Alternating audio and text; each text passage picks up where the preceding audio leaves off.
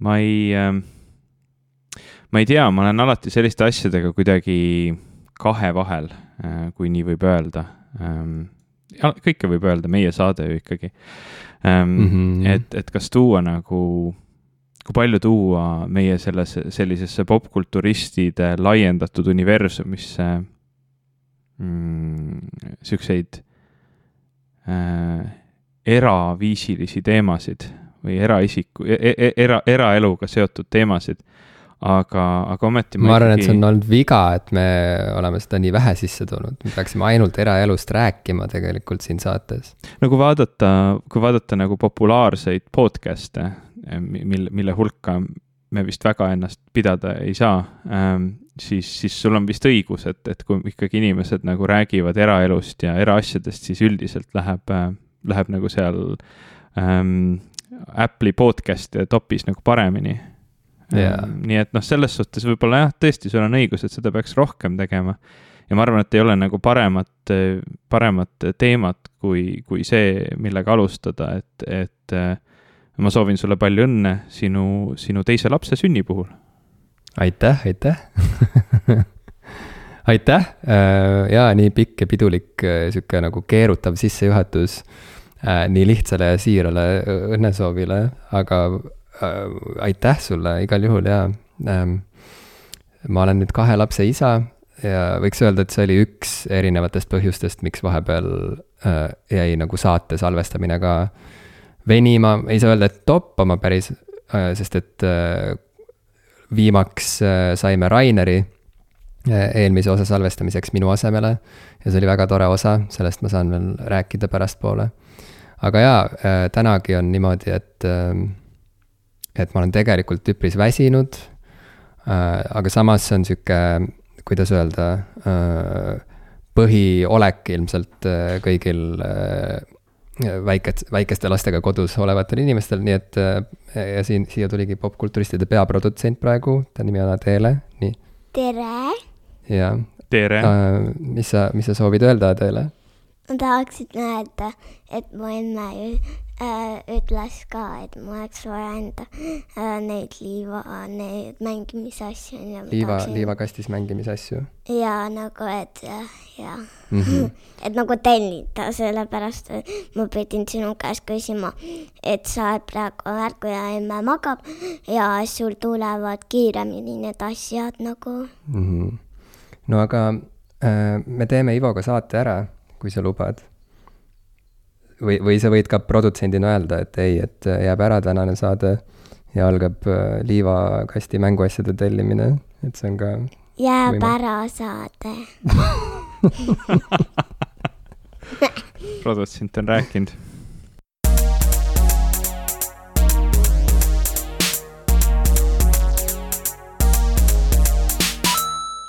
tere, minu nimi on Ivo Krustok. Tere, mina olen Jim Ashilevi. ja te kuulate saadet Popkulturistid. täna on siis jah, selline tore saade, et ma olen tagasi, kuigi äh, räsitud ja väsinud, aga siiski õnnelik ja sihukeses äh, äh, uue lapse perre tuleku eufooria, sihukeses järellainetuses niimoodi mõnusasti hõljun nii et see väsimus äh, mõjutab kindlasti mu äh, ma ei tea, kõnesoravust ja, ja mõtete voolu. aga ma ei ole selle pärast üldsegi mures, sest et mul on üsna mõnus endal olla nii et ma ei saa garanteerida, kui mõnus seda on kuulata, aga vähemalt ma olen siin.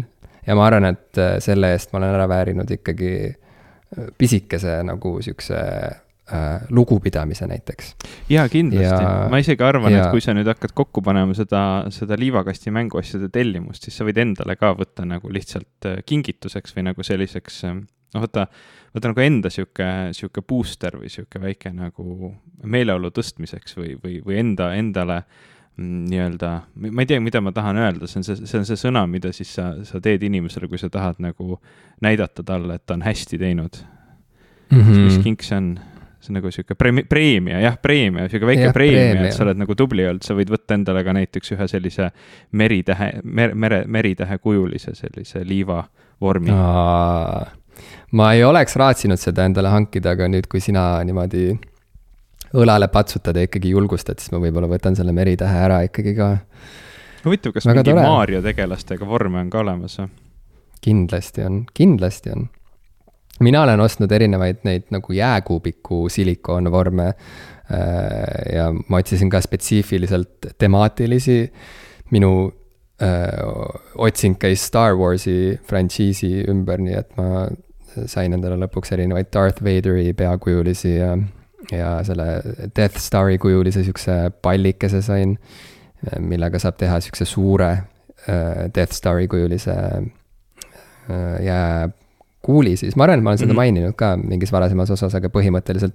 et see oli ka sihuke asi ja mõtlesin, et hmm, ei tea, kas tehakse kuskil ka Star Warsi temaatilisi jääkuubiku silikoonvorme ja siis äh, piisas väiksest otsingust ja kahe sekundiga ma olin juba sirvimas neid erinevaid variante, nii et ma olen jumala kindel, et erinevaid siukseid Mario ja üldse Nintendo teemalisi liivavorme on ka olemas äh,.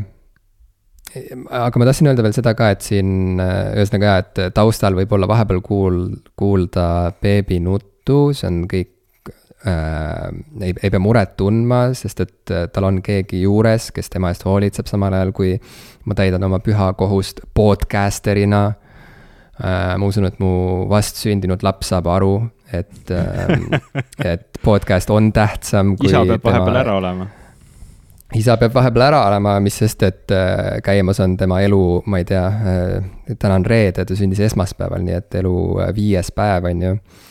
et podcast nõuab tegemist ja, ja küll ta aru saab et, et see on tähtsam kui tema vajadused. Little boy blue and the man on the moon.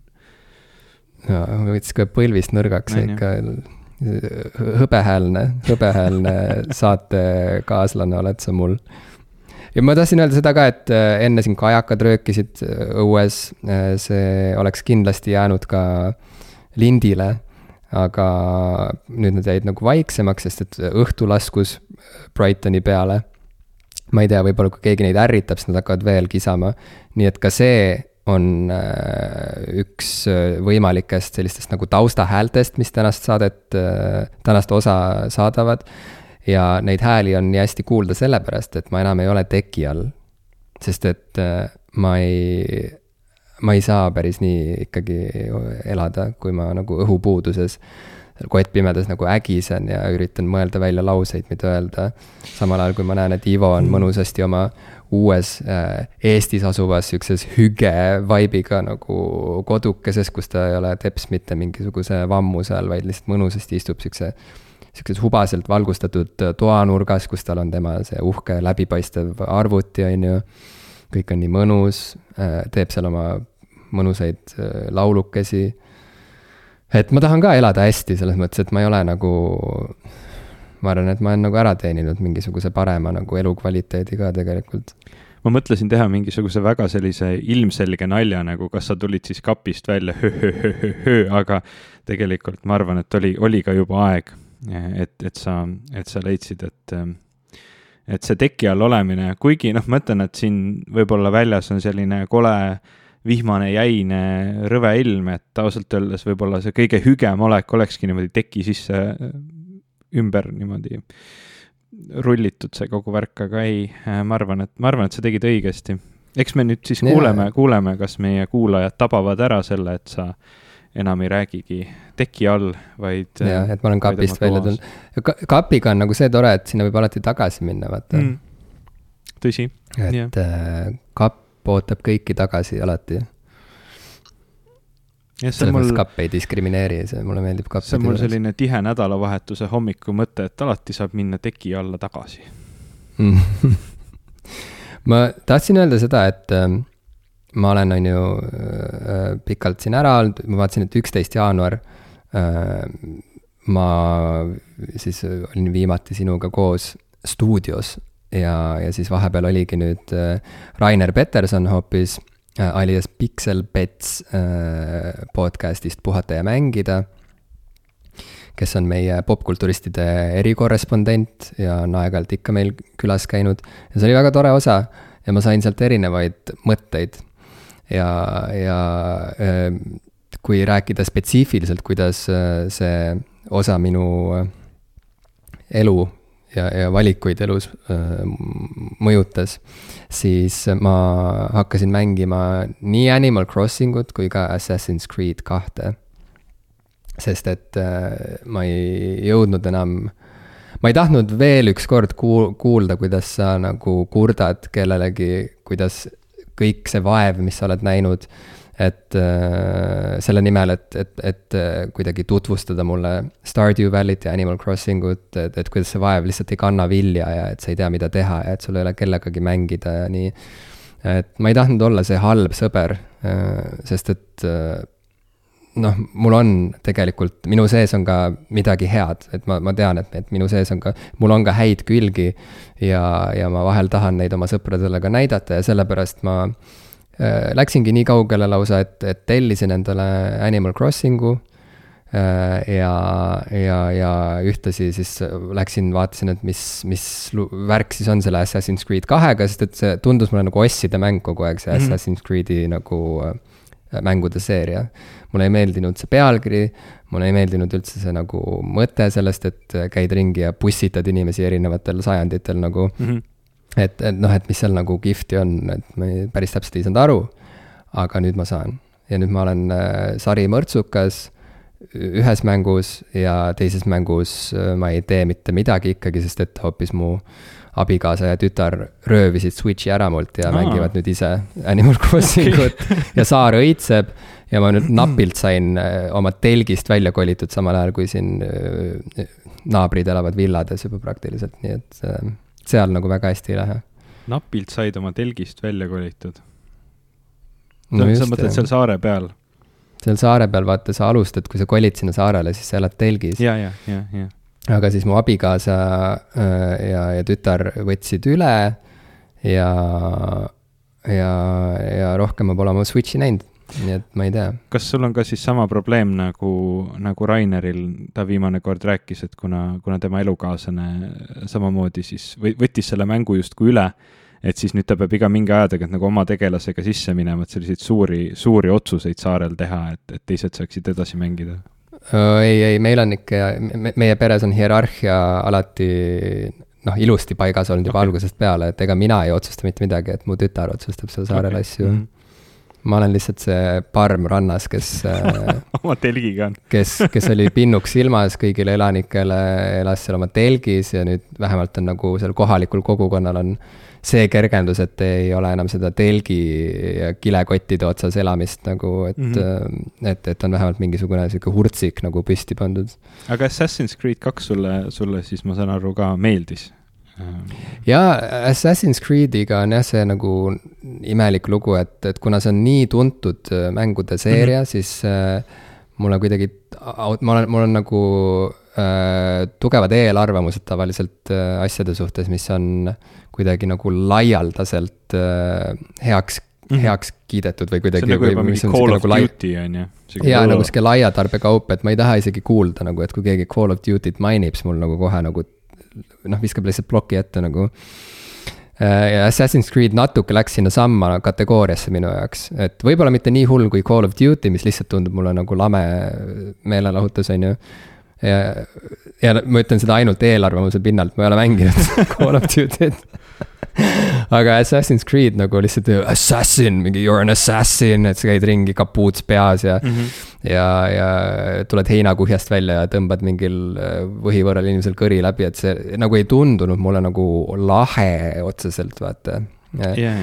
Äh, aga siis, mis selgus, oli see, et, ähm, et, et Assassin's Creed on äh, äh, hästi, e, e, vähemalt sel esi-, sellel Ezio lool, mis on vist esimesed kolm mängu ja ma ei tea, neid mänge vist kokku on tehtud mingi praeguseks, mina ei tea, mingi kakskümmend, jälle mingi sihuke absurdne mm -hmm. hulk, on ju. aga jah, need varased mängud, mis toimuvad, leiavad aset renessansi aja Itaalias, on selles mõttes tohutult kütkestavad, et see renessansi aegne Itaalia ongi lihtsalt nii äh, kuidagi ma, ma tahan öelda tõetruult, ma ei ole muidugi kunagi viibinud, on ju, aastal tuhat nelisada kaheksakümmend kaks äh, Firenzes ega hmm., ega muudes, ma ei tea, Veneetsias ja sellistes linnades. see, see üllatab sind, ma näen jaa, aga, aga ma ei ole, ma, ma läksin Roomasse palju-palju hiljem näiteks. umbes kuussada aastat, või okei okay,, viis, viissada, viissada kolmkümmend aastat hiljem, ma tahan öelda. et äh, ei, jaa, jah, jah, midagi sellist ja, ja siis äh, mis mind jah üllatama pani, oligi see, et, et kuidas see miljööväärtus, mida, mida see mäng pakub, on lihtsalt nii suur. et seda ma küll nagu ei oodanud üldse, et, et seal on nii palju sihukest nagu äh, ajaloo äh, mõnu.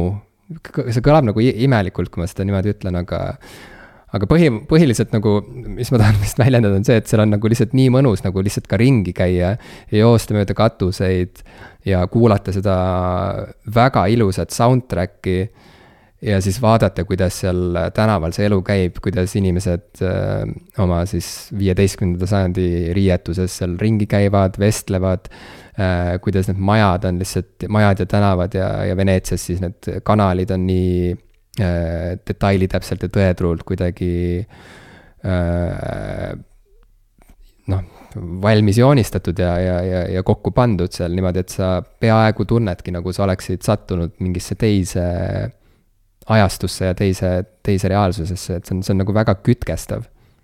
jaa, ma olen sinuga väga nõus, ma ma, ma isegi täpselt ei tea, kuidas ma ikkagi selle mängu nagu üle elasin, sellepärast et, et ma olen siin saates juba väga ammu varasemalt rääkinud sellest, kuidas mul on mingisugune selline vastumeelsus väga sellistele vägivaldsetele tõetruudele mängudele, sest see, sest see paneb mind kuidagi liiga, liiga otseselt tundma seda, seda, seda surmaga kaasnevat õudu ähm,. Mm -hmm. aga võib-olla see nagu Assassin's Creed kahe puhul just see nagu ülesehitus, kuidas, kuidas nagu seal. noh, jällegi seal olid selged head ja selged pahad ja, ja, ja, ja ikkagi nagu kohe algusest peale anti sulle nagu see noh, nagu selline selge siht, et. et siin need pahad on sinu perele liiga teinud ja sina pead siis ja, ja nii-öelda siis mm -hmm. päästma selle pere au või, või whatever ähm, aga noh, kuidagi ma ta nagu läbi mängisin ja ta tõesti nagu ta tõesti oli väga kihvt mäng, mitmes mõttes mm -hmm. see, mhm. see lugu läks ka nagu väga crazy'ks kätte ära, aga mitte, või noh, liiga, noh, ta, ta ei tundunud mulle nagu sihuke täiesti uskumatu selline crazy maailm, et, et täitsa nagu toimis omaenda kontekstis, aga pärast seda ma hakkasin nagu vaatama, et okei okay,, et võiks seda Ezio triloogiat nagu edasi mängida aga ma pakun, et see kuidagi käis niimoodi, et, et Steamis oli tol hetkel kõvasti allahinnatud mitte siis järgmine mäng, mis, mis oleks olnud Brotherhood, vaid, vaid ülejärgmine Revelations. ja kui ma seda mm -hmm. mängima hakkasin, siis see üldse ei klikkinud mul ja, ja pealegi mm -hmm. nagu mida, mida aeg edasi, seda rohkem on, on ka Assassin's Creed'i sisse toodud seda äh, seda aegluubis äh, kill cam'i, mis ma ei tea, nagu põhimõtteliselt see Mortal Combatis üks hetk tuli, et sa nagu pead sellel mm, -hmm. sellel hetkel, kui sa kellegi nüüd pead seal maha nottima, et siis seda näidatakse kuidagi eriti, eriti aegluubis ja niimoodi gore'ilt ja hästi nagu mm -hmm. ebamugavalt ja ebameeldivalt. ja peale seda ma polegi tegelikult tahtnud seda mängu enam mängida, küll aga äh, see päris viimane Assassin's Creed Valhalla äh, on, on üks sihuke mäng, mis lihtsalt puhtalt selle nagu viikingite esteetika pärast äh, tekitab nagu sihukest tunnet, et uu, et võiks proovida, sest ma ei ole ühtegi nagu väga ägedat viikingi mängu kunagi mänginud, aga mul on sihuke tunne, et, et see just on selline, selline teema või selline esteetika, mis mulle hästi-hästi meeldiks ja ma tahaks mm -hmm. mingit ägedat viikingi mängu mängida, aga ma ei ole üldse kindel, et see on see Assassin's Creed, sest vähemalt treileri järgi tundub see kohutavalt, kohutavalt nagu vägivallast nõretav mäng, nii et ma ei ma ilmselt ei, ei lähe seda teed. pigem Animal no, Crossing äh,. mu armas kolleeg siit äh, videomängustuudiost, Zaum äh,, on küll rääkinud väga palju head Assassin's Creed Valhalla kohta, ta on ka üks nendest vähestest inimestest, kellel õnnestus Playstation viis endale hankida oh,, mm -hmm. siis kui need müügile tulid, kuidagi imekombel lihtsalt sattus peale. ja, ja, ja ta on kõvasti mänginud nüüd seda Valhallat ja, ja ta on öelnud, et äh, kuna ta on ise britt, et siis ta nagu, ta on öelnud, et, et kuidagi lihtsalt äh, ka inglasena veel kuidagi näha sellist äh, vana Inglismaad mm -hmm. nii hästi kuidagi jällegi nagu äh, reprodutseerituna siis sellises nagu mängumaailmas.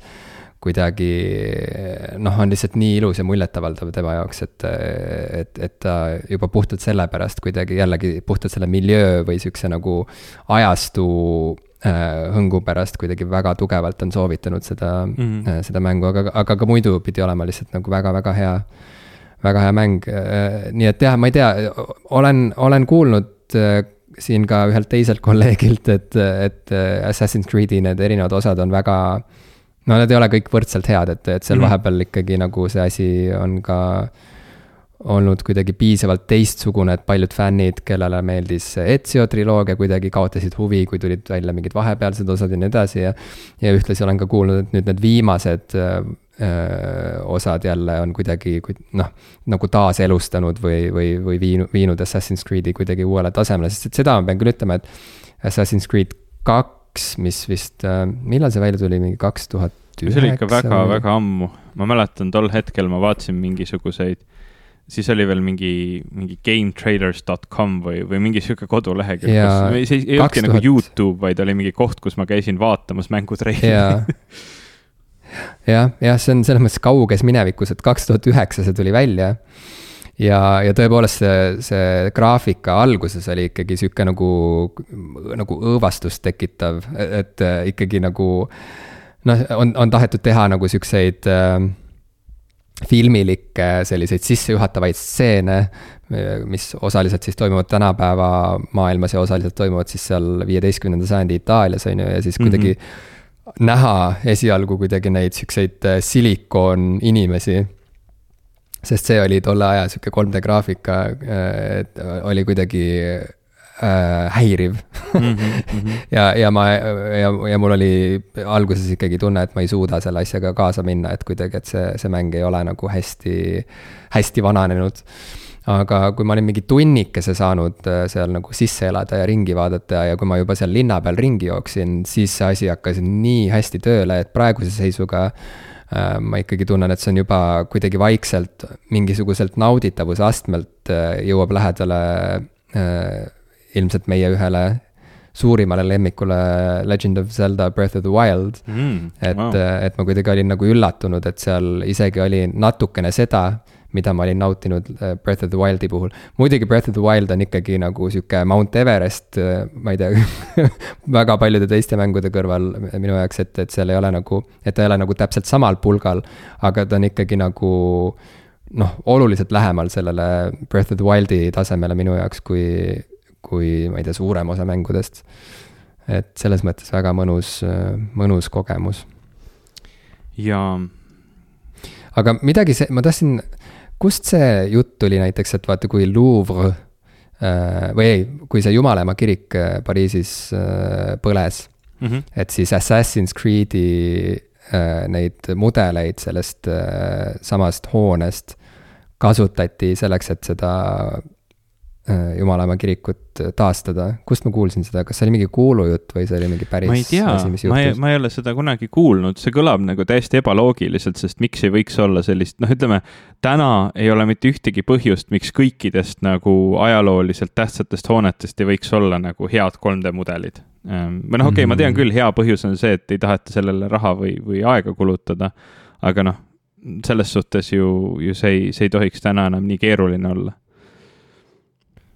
mm. -hmm. ma vaatan, ma nägin mingi, mingisugust BBC artiklit näen praegu, kus äh, Assassin's Creed'i autor ähm, annetas viissada tuhat eurot äh, mingile fondile, mis mhm. tegeles mm -hmm. siis selle kiriku taastamisega no.. ja, ja see oli jah, kahe, kahe tuhande neljateistkümnenda aasta Assassin's Creed'is seal Unity's oli siis äh, Notre Dame olemas, et ja seda mudeldati, siin on kirjas, et seda, seda siis ma ei tea, pandi kokku või mudeldati või disainiti neliteist kuud. Mm. -hmm no selles suhtes nad on alati, hoolimata sellest, kuidas nende neid erinevaid mänguosasid on vastu võetud või, või, või, või, või kui hästi nendel läinud on, siis nad on alati rääkinud, et nad on väga palju nagu vaeva näinud just selleks, et see maailm oleks võimalikult nagu detailirikas ja selline noh, nii, nii tõetruu, kui nagu antud kontekst võimaldab et selles suhtes mm, -hmm. selles suhtes on see äge. Ma muidugi ise enamusi neid mänge ei ole, ei ole mänginud, olen mänginud korra seda Black Flag'i mm, -hmm. mida ka hästi-hästi paljud on kiitnud. mulle yeah. ta, ma ei tea, ma vist ei jõudnud seal väga kaugele mängu alguses, et ma oleksin võib-olla pidanud üks tunnike või, või, või rohkem natuke veel mängima, et siis ma oleksin selle mängu mehaanikaga klikkinud, aga aga noh, jällegi, mul on niisugune tunne, et vähemalt mingiteks perioodideks minu elus see mäng on liiga, liiga vägivaldne ja ma ei ähm,, ma ei ole nagu noh, hoolimata sellest, kui äge see maailm on, siis ta noh, nagu lihtsalt muutub liiga nagu koormavaks Um, mm -hmm. samas ma tahaks, noh, võib, võib-olla näiteks kui tuleks Assassin's Creed mingisugune Tallinna vanalinnas. Tallinn. see oleks yeah., see oleks päris huvitav või ma ei tea, mingi apteeker Melchiori mäng aga kusjuures saad aru, seda Assassin's Creed kahte mängides ma tunnen, et ma ka osaliselt kuidagi toidan seda oma. või kuidagi sellega leevendan oma sihukest Tallinna igatsust hmm,. sest Firenze on nagu vahe... ei, no seal vanalinnas ringi joostes kohati natuke on tunda ka, ka seda tunnet, mis on Tallinna vanalinnas, et see ei ole nagu nii meeletult mm -hmm. erinev. see ei ole kindlasti sama mm, -hmm. aga noh, ikkagi mööda neid siukseid äh, punaseid katusekive joostes ja niimoodi yeah, siukseid yeah., ma ei tea, mööda siukseid äh, Munakivi tänavaid. Äh, sihuke vana, vana, vana, vana, vana kool. ja, jah, täpselt, et vaatad seal, kuidas seal mingi narri kostüümis keegi tuleb mingist majast välja ja mängib lautot. ja siis tekib sihuke tunne, nagu oleks Olde Hansa juurde sattunud. pakub sulle röstitud mandleid. pakub sulle röstitud mandleid ja siis saad tõugata teda ja öelda talle, et äh, ma annan sulle nuga, kui sa veel oma lautot mängid et siis see hästi nagu meenutab mulle seda, mismoodi ma Tallinnas tavaliselt tööle läksin, et ka niimoodi narre ähvardades et ähm, mm -hmm. me ei pea sellest rohkem rääkima, mul tegelikult on äh, veel siin teemasid reas võib-olla võtame siis järgmise, et ma ei, ma ei, ma võib-olla olen jällegi sellises vaimses seisundis, kus ma võib-olla ei talugi enam jutte sinu, sinu hommikustest tööle minekutest, kui sa jälle hakkad detailselt rääkima, kuidas sa nuga andsid meie üks olulisi saaterubriike läbi aegade on olnud äh, Foo Fighters ja uued Foo Fightersi albumid. ja kuna Foo Fightersil tuli välja uus album siin mõned nädalad tagasi, siis on väga oluline, et me räägiksime nüüd sellest albumist. Medicine at Midnight on albumi pealkiri. Äh, siin äh, paar palakest tulid juba eelnevalt välja, on ju, selleks, et inimestes äh, juba isu tekitada mm -hmm. ja, ja kütta kirgi ja ootusärevust. ja siis see album tuli välja. ja nüüd, nüüd, nüüd meil on see album. mida sa arvad sellest albumist, Ivo? me vist korra, korra rääkisime, kui tuli välja see singel Shame, Shame ja ma mainisin tol hetkel, ma ei, ma ei mäleta, kas see oli lihtsalt meie kahevahelises vestluses või äkki see on, see on saates ka, mul on juba need kõik hästi sassi. see oli, kas meie selles möla äh, saates, mis on põhimõtteliselt, võib öelda, et, et, et kõik on möla, mis me räägime, aga lihtsalt, et selles lühemas möla saates, mida me oma toetajatele teeme. pealkirjaga Nüüd, kui pinge on maas seal ma mainisin, et see shame, shame mind üldse nagu ei kõnetanud või, või ei klikkinud ära ja seetõttu, tõttu ma, ma natukene nagu muretsesin, et milline see plaat tulemas on. eriti kuna noh, mulle Wasting Light, mis neil oli kahe tuhande üheteistkümnenda aasta album, kohutavalt meeldis, see on, see on mm -hmm. üks mu lemmikalbumeid üldse, kindlasti on see mu lemmikalbum neilt ähm, mm. -hmm aga Sonic Highways nagu väga ei meeldinud ja Concrete and Goldil on ka nagu sihuke, ma ei tea, noh osaliselt, et seal on nagu häid laule, aga, aga noh, nad on nagu lihtsalt siuksed head rokilood, et ta, ta jällegi ka see plaat nagu seda, sellisel viisil ei kõnetanud mind nagu Wasting Light. ja kui ma mm -hmm. kuulsin seda Shame, Shame singlit, eh, siis ma, siis ma nagu muretsesin, et aa, et eh, vist, vist ikka ei tule selline plaat. aga nüüd, olles seda hästi-hästi palju juba kuulanud äh,, repeat'i peal mingisugune paar nädalat juba siis, äh, siis see plaat kohutavalt meeldib mulle ja meeldib ka, eri, eriti meeldib mulle see Shame, Shame äh, lugu, sellepärast et see äh, trummi ja bassi nii-öelda vahelduv rütm, mida, mida nad seal loos kasutavad, jääb mind kummitama mm -hmm. vahel terveks päevaks. ja ma isegi noh, ütleme siis, kui on, kui on hea plaat, siis ma tavaliselt telin omale vinüüli ära ja seda ma jõudsin ka juba teha, sellise ilusa oh. sinise läbipaistva vinüüli jõudsin omale, jõudsin omale ära tellida mm. -hmm. Väga mõnus mul tekkis seesama kihk äh, kohe hakata vinüüli järele haarama. mul ei ole Inglismaal vinüülimängijat, nii et see tooks kaasa siukse äh, ahelreaktsiooni erinevate väljaminekute osas mm. -hmm. aga noh, mis seal salata, siin juba üks vinüülikene on mul siin juba riiulis ootamas, on ju. et elu, elu vajab elamist põhimõtteliselt mm -hmm. ja muusika vajab kuulamist, on ju. et, et jaa, ma samamoodi kuidagi olen väga nagu nautinud seda albumit. Äh, natukene ei püsi nagu koos minu jaoks äh, täielikult, et kuidagi, et esiteks see on kuidagi nagu väga lühike album, see on mm -hmm. vist mingi kolmkümmend kuus minutit yeah. või midagi sellist yeah.. mis äh, pigem seostub mul siukse tüüpilise EP pikkusega, et minu arust nagu EP-d on harilikult siuksed nagu viisteist minutit kuni mingi pool tundi, on ju. -hmm ja ühtlasi kuidagi ma, see, selle albumi ülesehitus natukene äh, ma ei tea, mõjub mulle kuulajana niimoodi, et see oleks nagu mingi erinevate sihukeste nagu palade äh, nagu, nagu erinevate mingite singlite playlist, ma ei oska mm -hmm. öelda, et, et see, et see album just, just nagu ei räägiks ühte mingit suurt lugu. nii nagu mõned väga tõsised siuksed concept albumid äh, räägivad. Ja, ja, ja noh, ongi, et see, see, et ta kuidagi on natuke sihuke nagu äh, natuke harali ja, ja natuke lühike kuidagi on, on siiamaani nagu tekitanud minus sihukest äh, tunnet, et see võib-olla ei ole nagu nende kõige nagu sihuke komp-, noh, kuidas öelda, nagu kõige paremini koos püsiv album või kõige paremini nagu voolav album loost loosse. aga äh, ma pean seda küll ütlema, et, et see jällegi hea on see, et see on sedasorti album, mis nagu iga kuulamisega ikkagi läheb nagu aina paremaks.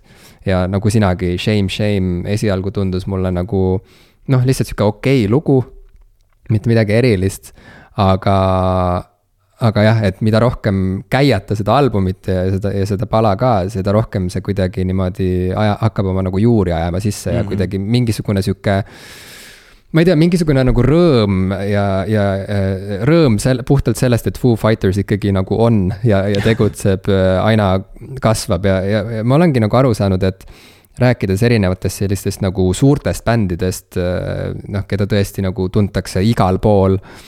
ja, ja, ja kes on juba saavutanud nii palju ja nii edasi ja kes mõnes mõttes on noh, on juba teinud piisavalt, et nagu ära teenida sihuke nagu muusika ajalukku jäämine, on ju, et, et nad tingimata ei pea nagu noh, sellepärast muretsema, et äkki kui me rohkem muusikat ei tee, et siis keegi enam ei mäleta meid. et siis ikkagi nende puhul äh, aina kasvab jah, see rõõm, et nad ikkagi endiselt tegutsevad, et nad teevad, mis nad tahavad. ja suur osa sellest muusikast kõlab nii nagu Foo Fighters ikka, et seal ei ole nagu tingimata midagi nagu väga üllatavat või et noh, mhm. et nüüd nad tegid oma selle mingi europop albumi või nüüd nad tegid oma mingisuguse new wave nagu äh,. Sihuke süntesaatori mingisuguse albumi, et noh, et, et kõik on suht nagu sama mm. -hmm. aga see on jällegi nagu, see on sedasorti mõnus sama, mis äh, mida sa naudid ka selle puhul, et ma ei tea, et kui sa lähed, ma ei tea, koju, et siis sul on seal kõik on nagu sama, sest kõik on nagu oma käe järgi ära pandud ja. ja, ja, ja, ja noh, et see on nagu sihuke üks kindel paik nagu, mille, mille juurde alati tulla, sest et sa, sa saad sellele nagu kuidagi toetuda, et, et, et Foo Fightersi meloodiad ja ja, ja kuidagi see, see nende sihuke nagu elutahe ja loomistahe on alati inspireeriv mulle lihtsalt alati inspireeriv. jah, see Harali olek häiris mind pigem eelmise plaadi puhul, Concrete and Gold, ja eriti häiris Sonic Highways puhul, mis, mis plaadina, võib-olla ma ta kunagi nagu uuesti avastan ja, ja ta siis hakkab mulle meeldima, aga, aga mulle, mulle ta nagu, kui ta välja tuli, üldse nagu ei, ei sobinud, eriti peale Wasting Light'i ähm,. aga, aga jah, ma ei tea, selle plaadi puhul pole see, pole see nagu häirinud ja, ja see ongi nagu kuidagi sihuke, nad ise ka kirjeldasid seda kui nende sihuke popp-album, et selline lihtsalt äh, sihuke fun äh,, rõõmus, tempokas äh,, pooleldi nagu tantsu, tantsurokk. Mm -hmm. ja noh, samal ajal siin on nagu väga selliseid sügavaid ja, ja, ja tõsiseid lugusid nagu Waiting on a war, mis, mis ilmselt ongi mul nagu plaadi lemmiklugu. et mm, -hmm. et selles suhtes äh, ma ei tea väga,, väga-väga korralik, korralik äh, plaat ja just mõtlen nagu eriti nagu selle pandeemia ja kõige kontekstis, et ma arvan, et on täiesti, täiesti mõistlik tehagi mingeid nagu veits lõbusamaid asju või nagu proovida ja katsetada ja mängida ringi, sellepärast et noh, mis sa, mis sa nagu ikka teed, et, et ei ole ju vaja yeah., vaja kõike sihukeste suurte kontseptsioonide ja tõsise, ma ei tea, taustaga kõike, kõike teha. jaa Kuigi... ja kusjuures ma, jah, jätka. ei, ma, kuigi ma just tahtsin nagu öelda, ma juba nagu teisel, teisele teemale minnes võib-olla, et äh, Weezeril tuli ka see aasta äh, juba plaat välja äh, pealkirjaga OK Human ähm,, mis on mm. siis selline väike, väike sõnamäng ähm, siis Radioheadi plaadile OK Computer. ja mm., ja see on nagu noh, ma noh, nad ise, ise nagu käsitlevad või seda on võimalik nagu käsitleda kui, kui kontseptsiooniplaat. noh, üldse Weezer kipub nagu olema väga selline erinevate kontseptsioonide ümber oma plaate ehitama.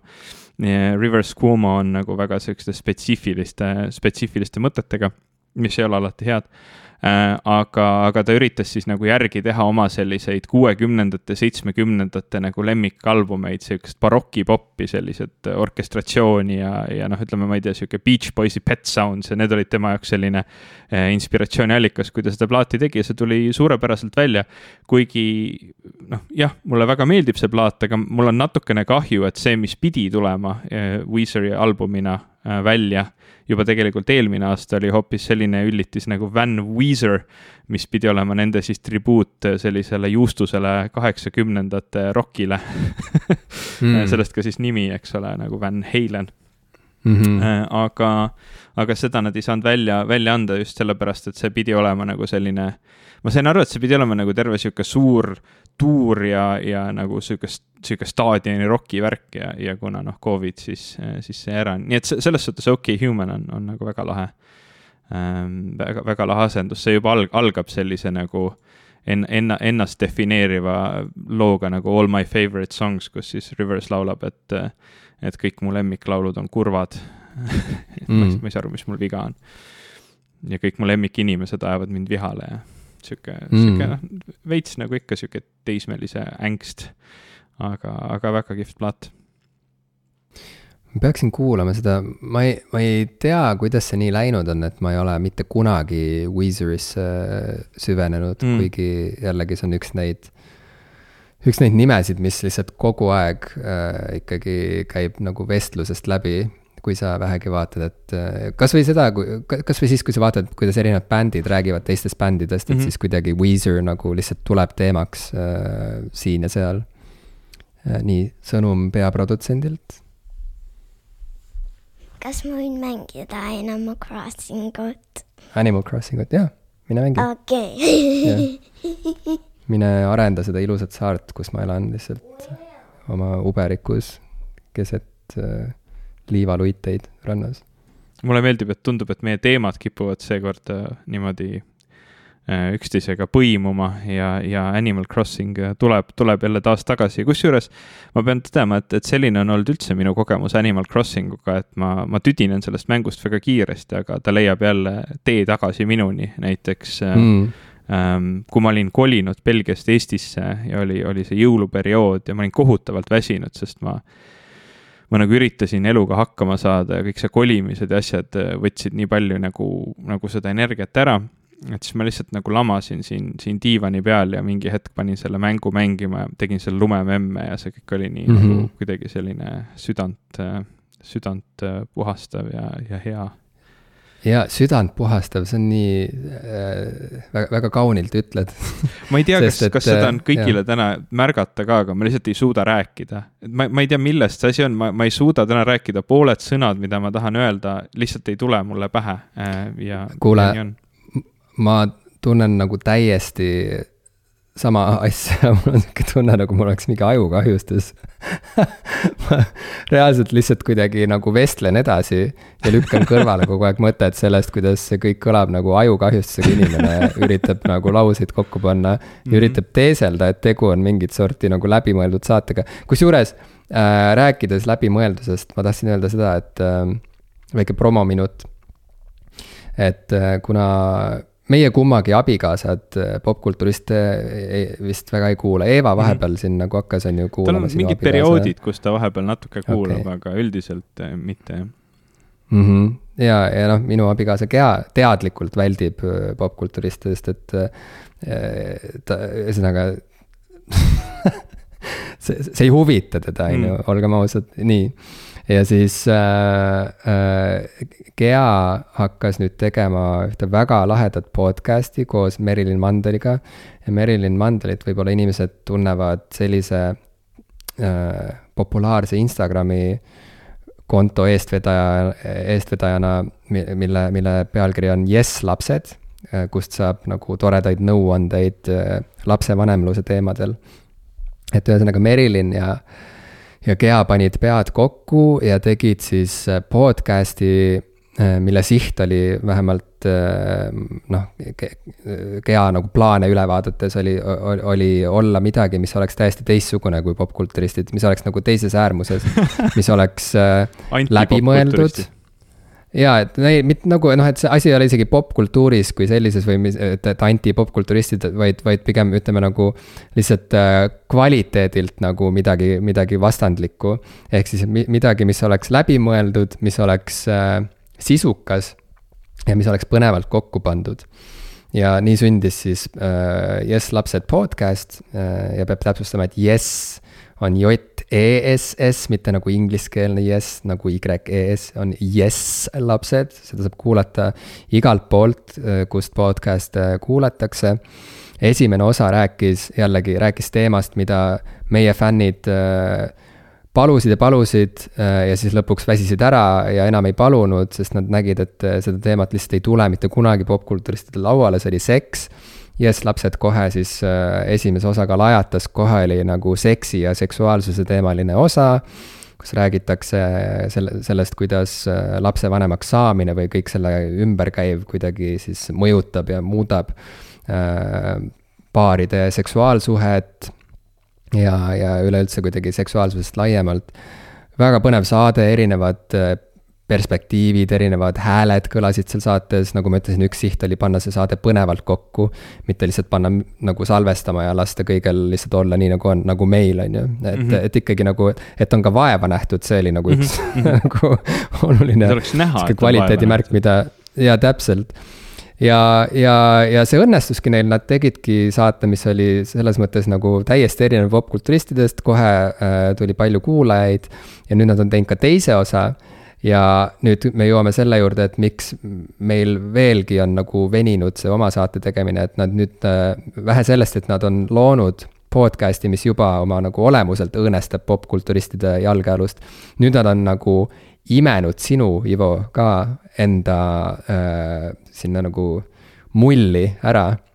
ja, ja sind on sealt väga raske kätte saada ja mis täpsemalt juhtus, oli siis see, et neil oli vaja inimest, kes äh, üks päev Gea tuli mu juurde, et äh, Jim, kuule, kas sa tead kedagi, kes nagu oskaks nagu väga hästi podcast'i kokku panna ja kes tunneks nagu audiotehnikat ja oleks sihuke nagu meiega samal lainel ja nagu saaks kõigest aru ja kellel oleks mõnus suhelda, siis ma ütlesin mmm,, ma ei tea, kõlab nagu Ivo Krustok, aa, kas tõesti, tegi siukest nagu teeskles, et ta on üllatunud, on ju, et tegelikult ta lihtsalt nagu lavastas kogu selle olukorra selleks, et mina oleksin see, kes justkui nagu ette söödaksin neile, Ivo. -hmm. jaa, sest et siis tagantjärele vaadates ju siis ei saa kedagi teist süüdistada peale minu, et aga sa ise ju ütlesid, et ühendu Ivoga. ja mis juhtus, oligi see, et nad hakkasid siis, et nad nüüd teevad seda podcast'i edasi sinuga, nii et sina oled nende leeris nüüd. Nad maksavad sulle raha. Teil on pikad ja sisukad mingid Zoom'i koosolekud ma olen märganud. vahel, kui ma olen nagu juhtunud toast mööda kõndima, ma ei tohi tuppa sisse astuda muidugi, on ju, sest et, et teemad on nii tähtsad ja nii. aga siis on vahepeal kuulda Ivo häält sealt ja nii edasi ja, ja, ja popkulturistid jääb lihtsalt tegemata, sest et äh, vähemalt ühel õhtul sa ütlesid, et äh, ma hea meelega teeks, aga ma olen liiga väsinud ja ma tean, et sa olid väsinud sellepärast et need kaks naist olid imenud su energiast tühjaks oma nõudmistega ja sa olid terve päev tegelenud sellega, et panna nende järgmist podcast'i osa kokku. mis tuli jällegi väga kihvt ja peab tõesti ütlema, et kui sa ikka veel kuulad popkulturiste, siis äh, palun tee nüüd õige otsus tee, tee tervemõistuslik, tee, tee tervislik otsus, tee, tee see hea otsus. ja hakka kuulama Jess lapsed podcast'i, kus Ivo Krustok äh, on äh, puldi taga hoolitseb, hoolitseb selle eest, et kõik kõlaks väga kihvtilt ja siis kaks professionaali nagu näitavad, et kuidas see saate tegemine tegelikult käib. ja seksist saab kuulda kohe esimeses osas. ma muidugi seda seksi osa ei, ei teinud, äh, nagu meie see, see popkulturistide üldine poliitika on, et seksist me hoiame eemale, et, et see ei ole, see ei ole the popkulturist way, vaata. jaa see lihtsalt ei ole, jah. aga seda teist osa ma, teist osa ma tõesti aitasin helindada, aga ma, ma ei saa nagu veel öelda, et, et mind on nagu täielikult assimileeritud sinna produktsiooni, sellepärast et ma, ma nagu, nagu et, ette juba, ette juba hirmunud olles, et, et veel üks lisaprojekt teeb, teeb minu elu veel ebamugavamaks ja, ja, ja vähem vähem vaba aega jätvaks, siis ma, siis ma ütlesin, et ma teen kaks osa ja siis vaatan, kui palju nende peale aega kulub ja siis mõtlen edasi. aa, nii et on šanss, et sa ikkagi põhimõtteliselt äh, tõmbad nahhi nagu sealt äh, sellest Yes lapsed äh, firmast. selline teoreetiline võimalus on täiesti olemas, jah. okei okay,, okei okay., no ma hoian pöialt ja ma ei ütle, millele täpselt, aga vink-vink, ma hoian pöialt popkultuuri radadel edasi tõtates Äh, peaks ikkagi rääkima tüvitekstidest. ja äh, iga popkultuuri huviline teab, et neid tüvitekste on tegelikult ainult kaks. esimene neist on äh, Fortnite ja teine on Teenage Mutant Ninja Turtles. ja ma alustan siis sellest teisest, et minuga juhtus selline lugu et aasta alguses ma äh, võtsin ette sellise loomingulise mm, projekti või, või pigem lihtsalt äh, kuidagi lubasin endale, et, äh, et ma iga päev joonistan ja avaldan äh, väikse koomiksi. ja see on sihuke kolpade teemaline koomik, selle pealkiri on Skulls, me oleme seda ka maininud oma saates varem aga kes ei ole peale sattunud, siis paneme lingi ka oma saate märkmetesse. Skülls siis on see kirjapilt ja saab seda lugeda nii, Instagramist kui ka Twitterist kui ka Facebookist. ja, ja ma ühe äh, Sküllsi koomiksikese tegin siis nagu teismeliste mutant ninja kilpkonnade teemalise, seal on sihuke nagu selleteemaline väike naljakene ja mis juhtus oli see, et äh, seda like'is äh, ootamatult ja mul ei ole, mul on väga-väga vähe jälgijaid seal, on ju, et, et selles mõttes oli täiesti sihuke hashtag'i põhine äh, komistus ilmselt nagu, et, et see inimene komistas selle koomiksi otsa kogemata. aga selle inimese nimi on Mark Caso. ja kes ei tea, kes ta on, sest mina kindlasti ei teadnud, kes on, kui ta mu pilti like'is, aga ma millegipärast hakkasin uurima. selgus, et tema mängis üheksakümnendatel äh, nendes Teenage Mutant Ninja, Ninja Turtle'i filmides mängis Leonardot. nii et põhimõtteliselt ma tegin väikse nagu Turtlesi teemalise koomiksi, mida nägi ja like'is Leonardo mhm. üheksakümnendate mm -hmm., üheksakümnendate Leonardo siis wow..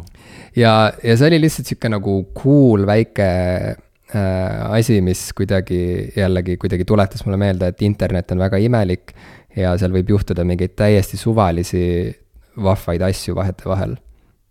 mis, mis ei jäta mingit olulist jälge mitte kuskile ja mis tegelikult ei muuda mitte midagi aga, aga nii juhtus ja see on lihtsalt see korraks oli ikkagi nagu vahva. et mul on nagu tore mõelda, et, et seesama Turtlesite film, mida ma kinos EHA või kuskil käisin äh, oma emaga vaatamas kunagi, kui ma olin, ma ei tea, seitsmeaastane et siis see Leonardo, kes seal hüppas mõõkadega ringi ja, ja sõi oma vendadega kanalisatsiooni kanalis äh, pitsat, et seesama Leonardo siis äh, on Instagramis ka heaks kiitnud minu väikese koomiksi. Väga vägev, ma nüüd ootan, ootan järjekord, järjekordas siis seda, et millal David Duchovny sinu Scully koomiksit like ib, see oleks väga, väga hea järg sellele. ma arvan. Mm aga see on tegelikult. või Gillian Anderson. ei, ma just arvan, et see võiks olla ilmtingimata David Duchovny um, kuigi noh, ütleme nii, et, et, et kui Gillian Anderson sinu, sinu, mingit kontakti sinuga omaks, siis, siis see oleks nagu ilmselt maailma kõige ägedam asi um,. sest ta on lihtsalt üldse kõikidest näitlejatest vist üks mu lemmiknäitlejaid praegu no,. mitte ainult X-Filesi pärast, mis, mis oli ka tõesti suurepärane, aga ma ei tea, kas me oleme siin saates üldse rääkinud sellest, ma, ma vahepeal vaatasin Netflixi jälle, jälle omajagu palju, sellest on nüüd jälle päris palju aega möödas, ma ei ole vahepeal seda üldse avanud. Mm, aga mingi hetk tuli sinna selline sari nagu Sex Education, äh, millel on see on meil juba... saatest läbi käinud sellel on kaks hooaega olnud ja ta on, ta on suurepärane sari ja, ja, ja üks osa, mik-, miks see sari on suurepärane, on see, et Gillian Anderson mängib seal. Mm.. jaa, ei ole vaadanud, aga, aga ka Rainer Peterson, meie erikorrespondent, äh, kiitis seda sarja väga sarnaste sõnadega. jaa aga see on tegelikult täiesti uskumatu olnud, ma, ma olin, ma olin nagu aasta alguses kergelt selline, selline skeptiline, et, et kas on ikka hea mõte nagu uusaasta projektiks võtta asja, mida sa pead iga päev tegema. Ähm, see on mm, -hmm. see on nagu suht jõhker eesmärk. aga tõesti, sul on juba viiskümmend kuus äh, koomiksit üles pandud ja, ja, ja päris mitmed neist on väga-väga naljakad no mul on rõõm kuulda seda, aitäh, et sa nii ütled, see on jah, kuidagi, tead, nõme asi on nagu see, et et kuidagi vahepeal alguses ikkagi see, see hasart läks nii suureks, kuidagi kasvatada oma jälgijaskonda ja, ja ma ei tea, koguda võimalikult palju likee ja nii. ja siis kadus nagu see siht natuke silme eest, et millega ma üldse tegelen või mis selle asja mõte on. ja kuidas see Aga jälgijate nüüd... kasvatamine üldse käib? No esialgu ma lihtsalt panin äh,, hõikasin välja oma muudel sotsiaalmeedia ka, platvormidel, kanalites nagu, et, et näed, ma nüüd teen sihukest asja, keda huvitab, pange silm peale, on ju. Äh, et siis nagu sealt kuidagi voolas üle mingi osa jälgijaid, mida võis ka noh, arvata, et, et küllap keegi ikka sõprade seast nagu ma ei tea, huvitub piisavalt, et vaadata, noh, et millega ma nagu veel tegelen.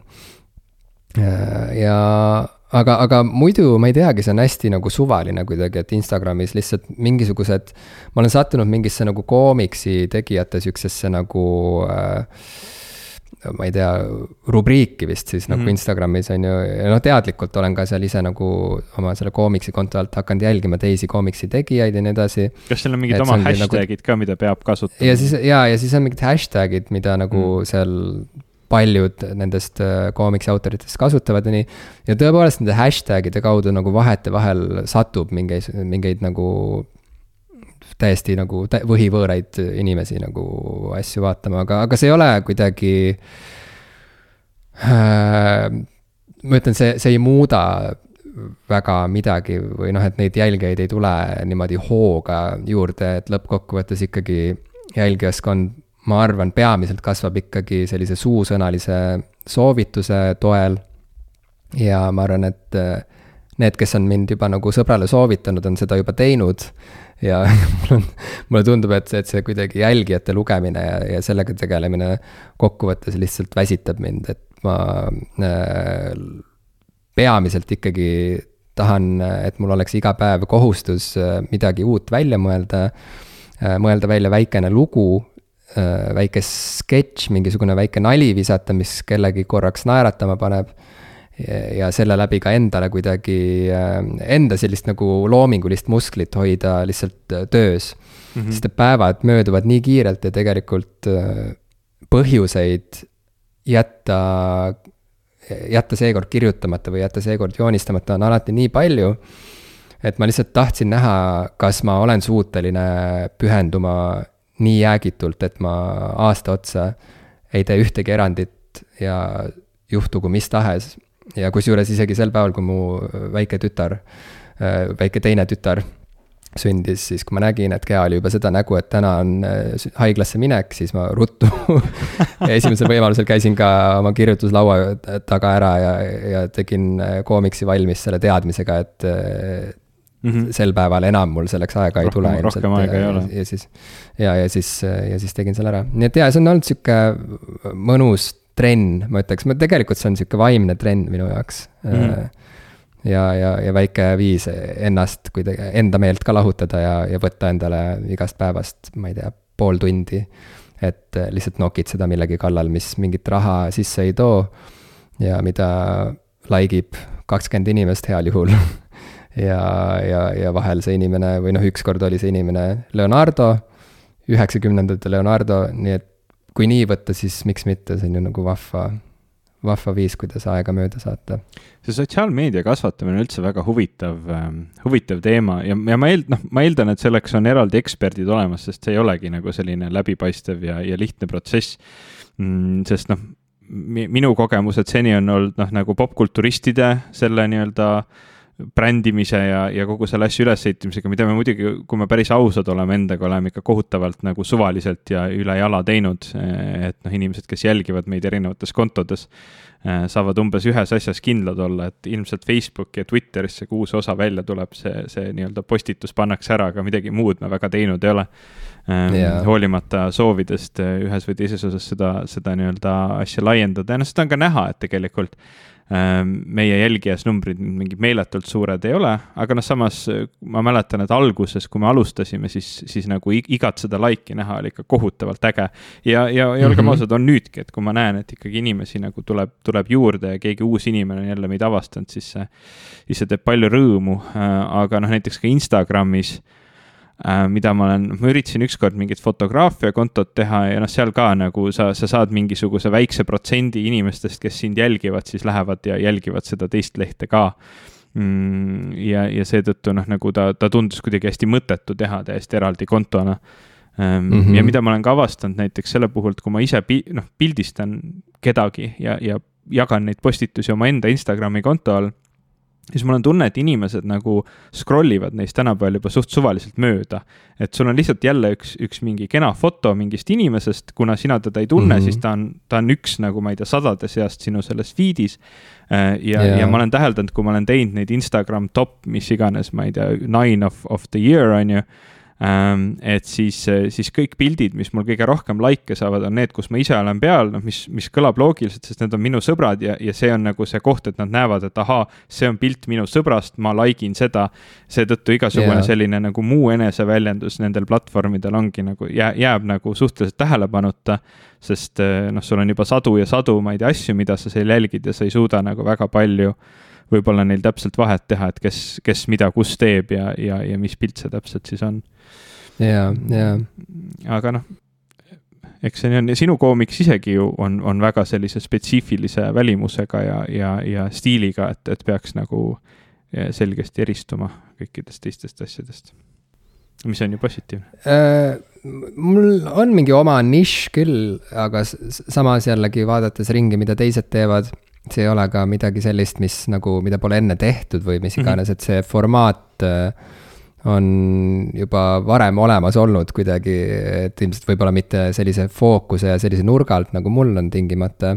Äh, sest et see on väga minimalistlik koomiks ja põhiliselt äh, noh, peaaegu, peaaegu kõik need äh, erinevad osad on olnud sellised ühe-kahe, võib-olla kolme paneeliga sellised väiksed naljakesed, kus on lihtsalt üks naljaka välimusega pealuu, kes siis ütleb, teeb mingisuguse sihukese ma ei tea, mingi keelepõhise nalja või, või noh, ütleb mingisuguse jabura asja.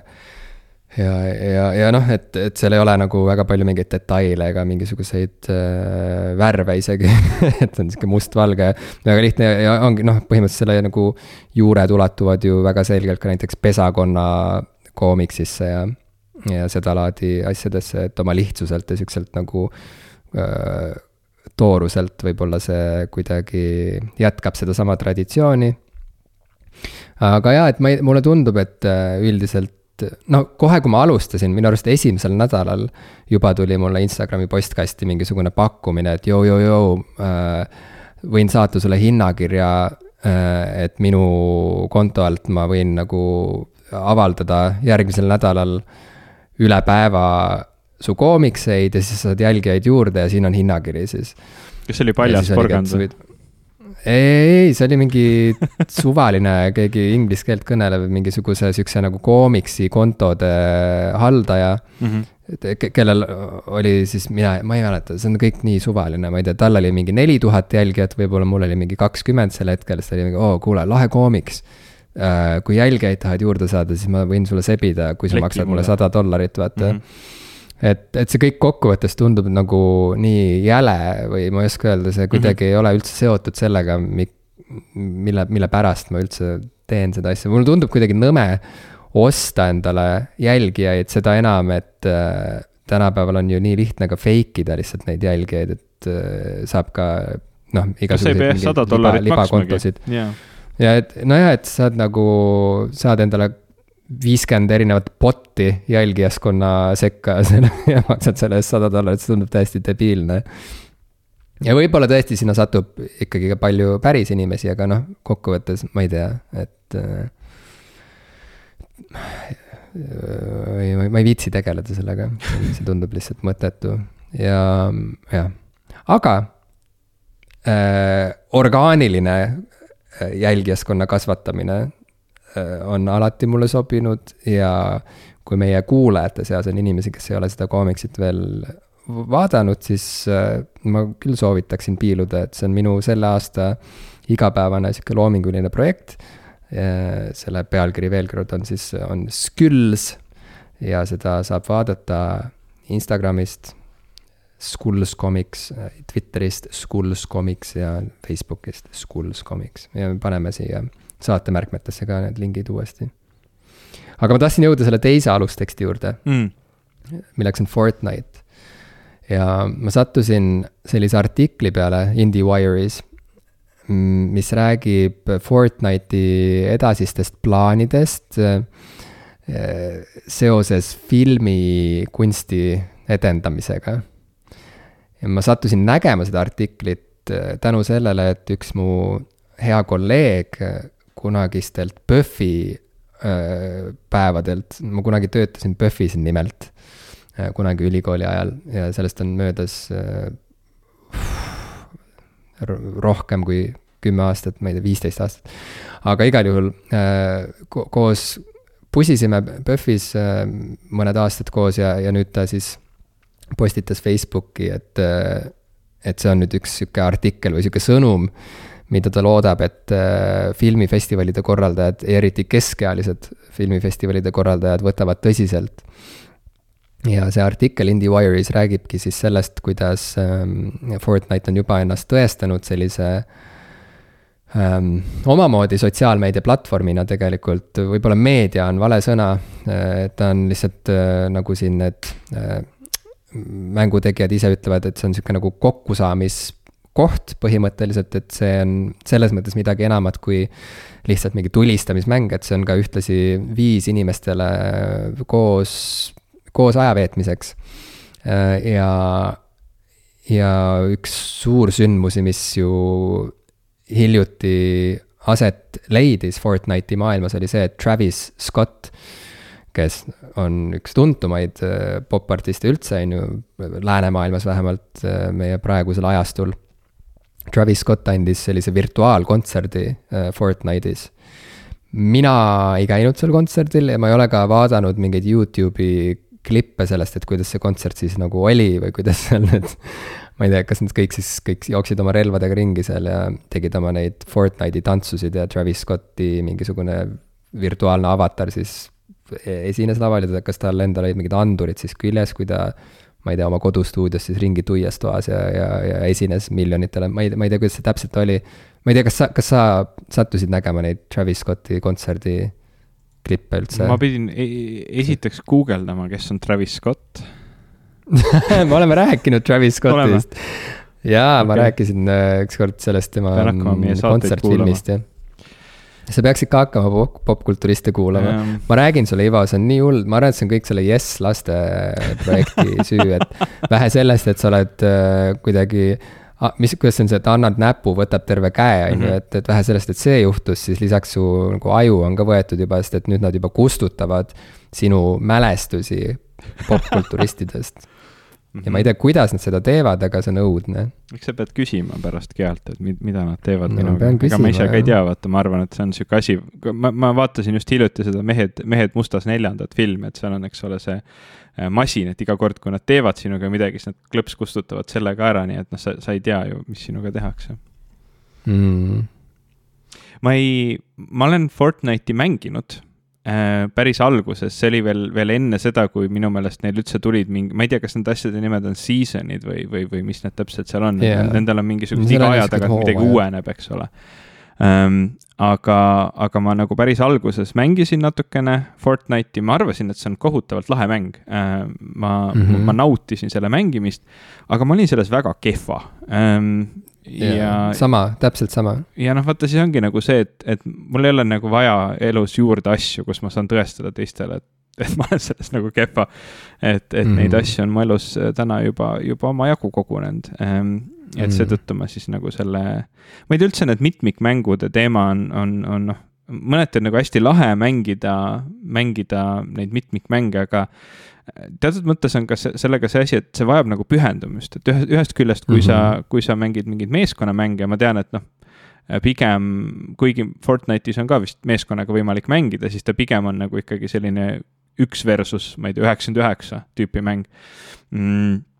Ja seetõttu noh, nagu see, et sa kehva oled, otseselt ei tähenda seda, et sa kedagi nagu alt vead. Ähm,, aga noh, teine asi on ikkagi, et noh, kui sa seal tahad, kui sa tahad seda mängu nagu tõsisemalt mängida, siis sa pead, pead sellele aega pühendama ja, ja siis, siis ta juba tundub nagu, et okei okay., et see on ka näiteks üks põhjus, miks ma olen sellisest äh, suurest äh, viimase aja megatrendist nagu Among Us äh,, Am Among Us mm, -hmm. ma mhm. ütlesin seda kuidagi mm -hmm. naljakalt äh,, täielikult kõrvale jäänud äh,, sellepärast et, et ma, ma saan aru, et see on nagu selline tiimimäng ja ma ei taha alt vedada, alt vedada oma tiimi mm, -hmm. ma ei mhm. julge seda, ma ei julge seda isegi õppima hakata, ma ei tea, mida see räägib minu vaimse tervise kohta, kas see on hea, mida see räägib minu vaimse tervise kohta, aga jah, ma, ma olen nagu mitu korda vaadanud, et uu, et see Among Us tundub huvitav, aga ma ei ole julgenud seda isegi mitte mängima hakata mm. -hmm ja mul on nats sama, et ma, mitte et ma ei julgeks, aga mul on sihuke tunne, et see lihtsalt oleks jubedalt jälle sihuke. Et see, see nõuaks süvenemist jälle ja sihukest äh, sisseelamist ja ma praegu lihtsalt ei, ei jaksa nagu, et mul on siin muud, muud asjad käsil. aga ma vaatan praegu seda Travis Scotti kontserti ja see näeb ikkagi nagu väga äh, lahe välja. kas see on nagu kunagi olid need Second Life'i kontserdid või? Ma ei ole käinud ühelgi Second Life'i kontserdil, ma ei, ma ei tea ka, millised need täpselt välja nägid, aga. aga siin Fortnite'is ongi jah, see tegevus on seal nagu, nagu sa võid ette kujutada, seal Fortnite'i seal saarestikul või saare peal mm. -hmm.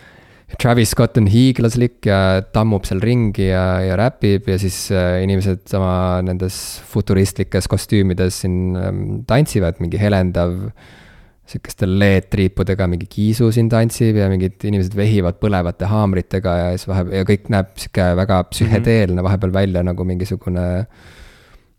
noh, nagu, nagu mingisugune LSD tripi sihuke visualisatsioon. kuigi ma ei ole LSD-d teinud, aga nii räägitakse, et see umbes kõik käib mingid plahvatused ja. ei, see näeb väga nagu huvitav välja, see näeb välja nagu sihuke meelelahutuse tulevik jälle mhm. natukene mm. -hmm. noh, natuke nagu sihuke seda tüüpi meelelahutus, mida ennustas ette sihuke küberpunk mm -hmm. esteetika.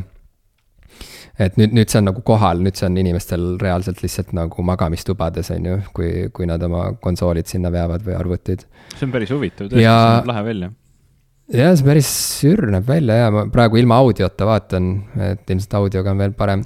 aga tulles tagasi selle arvestades, et see on kontsert, aga tulles tagasi selle artikli juurde, et selle artikli põhisõnum mm, oli siis see, et et filmikunstil praegu, okei okay,, seda otsesõnu välja ei öeldud, et filmikunstil praegu väga hästi ei lähe, aga see on noh, teada, teada fakt, et vaatajanumbrid langevad ja kinod nüüd pandeemia ajal järjest äh, lähevad pankrotti, mis veelgi kiirendab äh, seda arengut, et, et filmid pigem lähevad otse nii-öelda sellisesse otse, otse telesse põhimõtteliselt, äh, vaatad sa seda siis Netflixi või mõne muu voogedastusteenuse kaudu, vahet ei ole, aga igal juhul, et, et sihuke kinoelamus on, on muutunud ja inimesed käivad kinos vähem ja ja, ja, ja noh, seda kõike me oleme rääkinud, kuidas nagu Hollywoodis on juba mõnda aega olnud sihuke kriis, et ei tehta enam selliseid nagu kõrgel tasemel siukseid keskklassi eelarvega kunstifilme, vaid on ainult kas giga, gigakallid blockbuster siuksed filmid, mida toodetakse kahasse, ma ei tea, Hiinaga näiteks ja. ja siis on filmid, mida tehakse iPhone'iga nullrahaga. et sihuke normaalne keskosa on, on, on lihtsalt väga-väga õhukeseks kulunud. ja, ja siis selle, selle valguses Fortnite'i tegijad siis nüüd on pakkunud välja sellise uue platvormi põhi, põhimõtteliselt oma mängu näol, et, et Fortnite'is võiks nüüdsest vaadata ka filme. ja, ja nad korraldavadki sellise animafilmide festivali äh, Fortnite'i maailmas. Siin pealkiri kohe ütleb, et äh, potentsiaalne publiku arv võib ulatuda kolmesaja viiekümne miljonini mis noh, on jällegi sihuke täiesti absurdne arv, on ju. noh, see, see, see oleks koheselt noh, kultuuriajaloo kõige suurem äh, filmifestival, mis, mis, mis üldse aset leidnud on. Äh, ja jah, huvitaval kombel just nimelt animafilmid, et lühi, lühianimafilmide festival oleks see siis äh, esialgu et noh, et see on lihtsalt nagu huvitav äh, areng jällegi.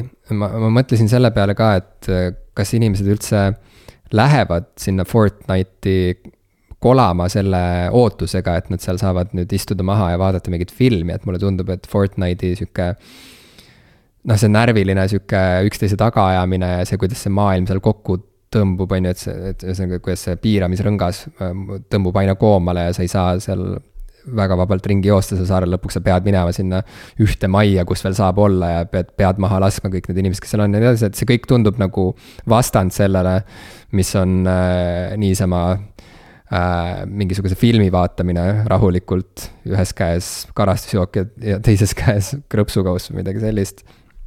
Et äh, aga noh, arvestades, et inimesed juba äh, noh, et paistab, et, et, et läks väga hästi selle Travis Scotti kontserdiga ja et inimesed juba niikuinii äh, on harjunud veetma aega Fortnite'i maailmas, et siis võib-olla tõesti see on äh, mingisugune asi, mis jõuab mingisse uude kohta välja, kus, kus siis, ma ei tea, viieteist aasta pärast on täiesti harilik meil minnagi ütleme, Fortnite'i mingile saarele ja, ja siis seal on näiteks mingi kinosaar ja seal on mingisugune, siis on mingi teine saar, kus on, ma ei tea, kokandus, teemalised äh, töötoad et kõik need Youtube'i kokad, kellest sa Raineriga eelmises osas rääkisid, on, on siis mingisuguse saare üle võtnud, et kes teab, võib-olla see on see, mismoodi me nagu edasi liigume. no see on see tulevik, mida see Ready Player One raamat ja film siis nagu teoreetiliselt ette nägi, nägi, et sa oled sellises virtuaalmaailmas ja, ja seal, seal luuaksegi selliseid väga väga nagu mängudest inspireeritud äh, maailmu, kus siis erinevaid asju teha ja elada ja olla ähm,. aga noh, me näe-, me näeme seda iga natukese aja tagant ju, kui mingi mäng saavutab mingisuguse sellise ääretult suure populaarsuse, mis, mis võimaldab tal kuidagi minna väljaspoole seda äh, ähm, seda nagu rolli, mis tal esialgu on, on, on pandud ja noh, ütleme nende mängude puhul võib-olla ka see ähm, ma ei tea, Fortnite on selles suhtes võib-olla huv, kõige huvitavam seni olnud, et, et ta on ju ikkagi noh, nagu selgelt lihtsalt sihuke tulistamis, tulistamismäng mm,. Mm -hmm. aga, aga ta on kuidagi nii selline eklektiline tulistamismäng ja nad on suutnud äh, noh, eks see tuleneb nende ärimudelist ka, et nad, nad peavad äh, pidevalt midagi uuendama ja sulle tooma nagu sellist väga, väga muljetavaldavat kraami, et sa siis ostaksid seda, sest mäng ise on ju tasuta, sa, sa maksad seal mm -hmm. nende nii-öelda visuaalsete, visuaalsete äh, arenduste eest et noh, et, et see ärimudel on nagu toetanud seda, et see mäng on nagu kasvanud ja kasvanud järjest nagu selliseks äh, olulisemaks asjaks popkultuuris, et iga, iga nagu, ma ei tea, uus film või, või sari või, või oluline meediafrantsiis peab ju kuidagi ikkagi mingit koostööd tegema Fortnite'iga, et, et tähelepanu võita. ja ilmselt see, see lihtsalt see meeletu populaarsus on, on, on kõik selle asja sinna nagu juurde toonud, et me saame seal teha kontserte, mis jällegi noh on ka Fortnite'ile kasulik, sest siis sa saad neid helendavaid haamreid omale seal osta ja ägedat kostüümi, et, et sinna kontserdile minna.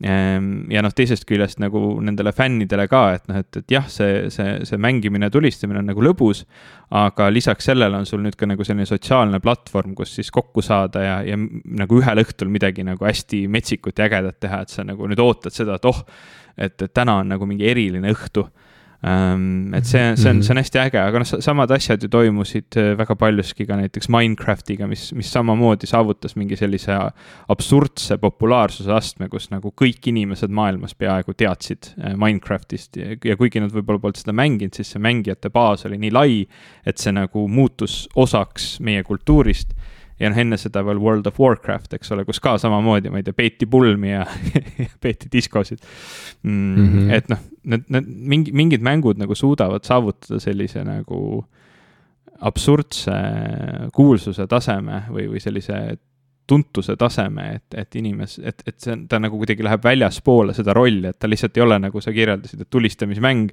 kus, kus ma ei tea, see, see hektiline, hektiline nii-öelda kogemus ei pane sind võib-olla kuidagi meelelaadi, et teeks nüüd midagi toredat ja sotsiaalset siia kõrvale, aga noh, samas ta samas ta on nagu sihuke arkaad, eh, kuhu sa sõpradega nädalavahetusel läksid eh, münte sisse toppima mm -hmm. ja mänge mängima, aga samal ajal siis eh, läksid, võtsid krõpsu ja, ja, ja koolat ja ajasid niisama ka juttu, et noh, et ta, ta on, ta on mm -hmm. lihtsalt nagu selline modernne vorm sellest ilmselt mm. -hmm. ja no mina mäletan seda, et arkaadide juures või arkaadid tehti just tihtilugu, ma ei tea, kinode ja, ja, ja kontsertpaikade juurde, et, et, et yeah. inimesed seal oodates siis lisaks veel raha kulutaksid nii et why not. jaa, just täpselt.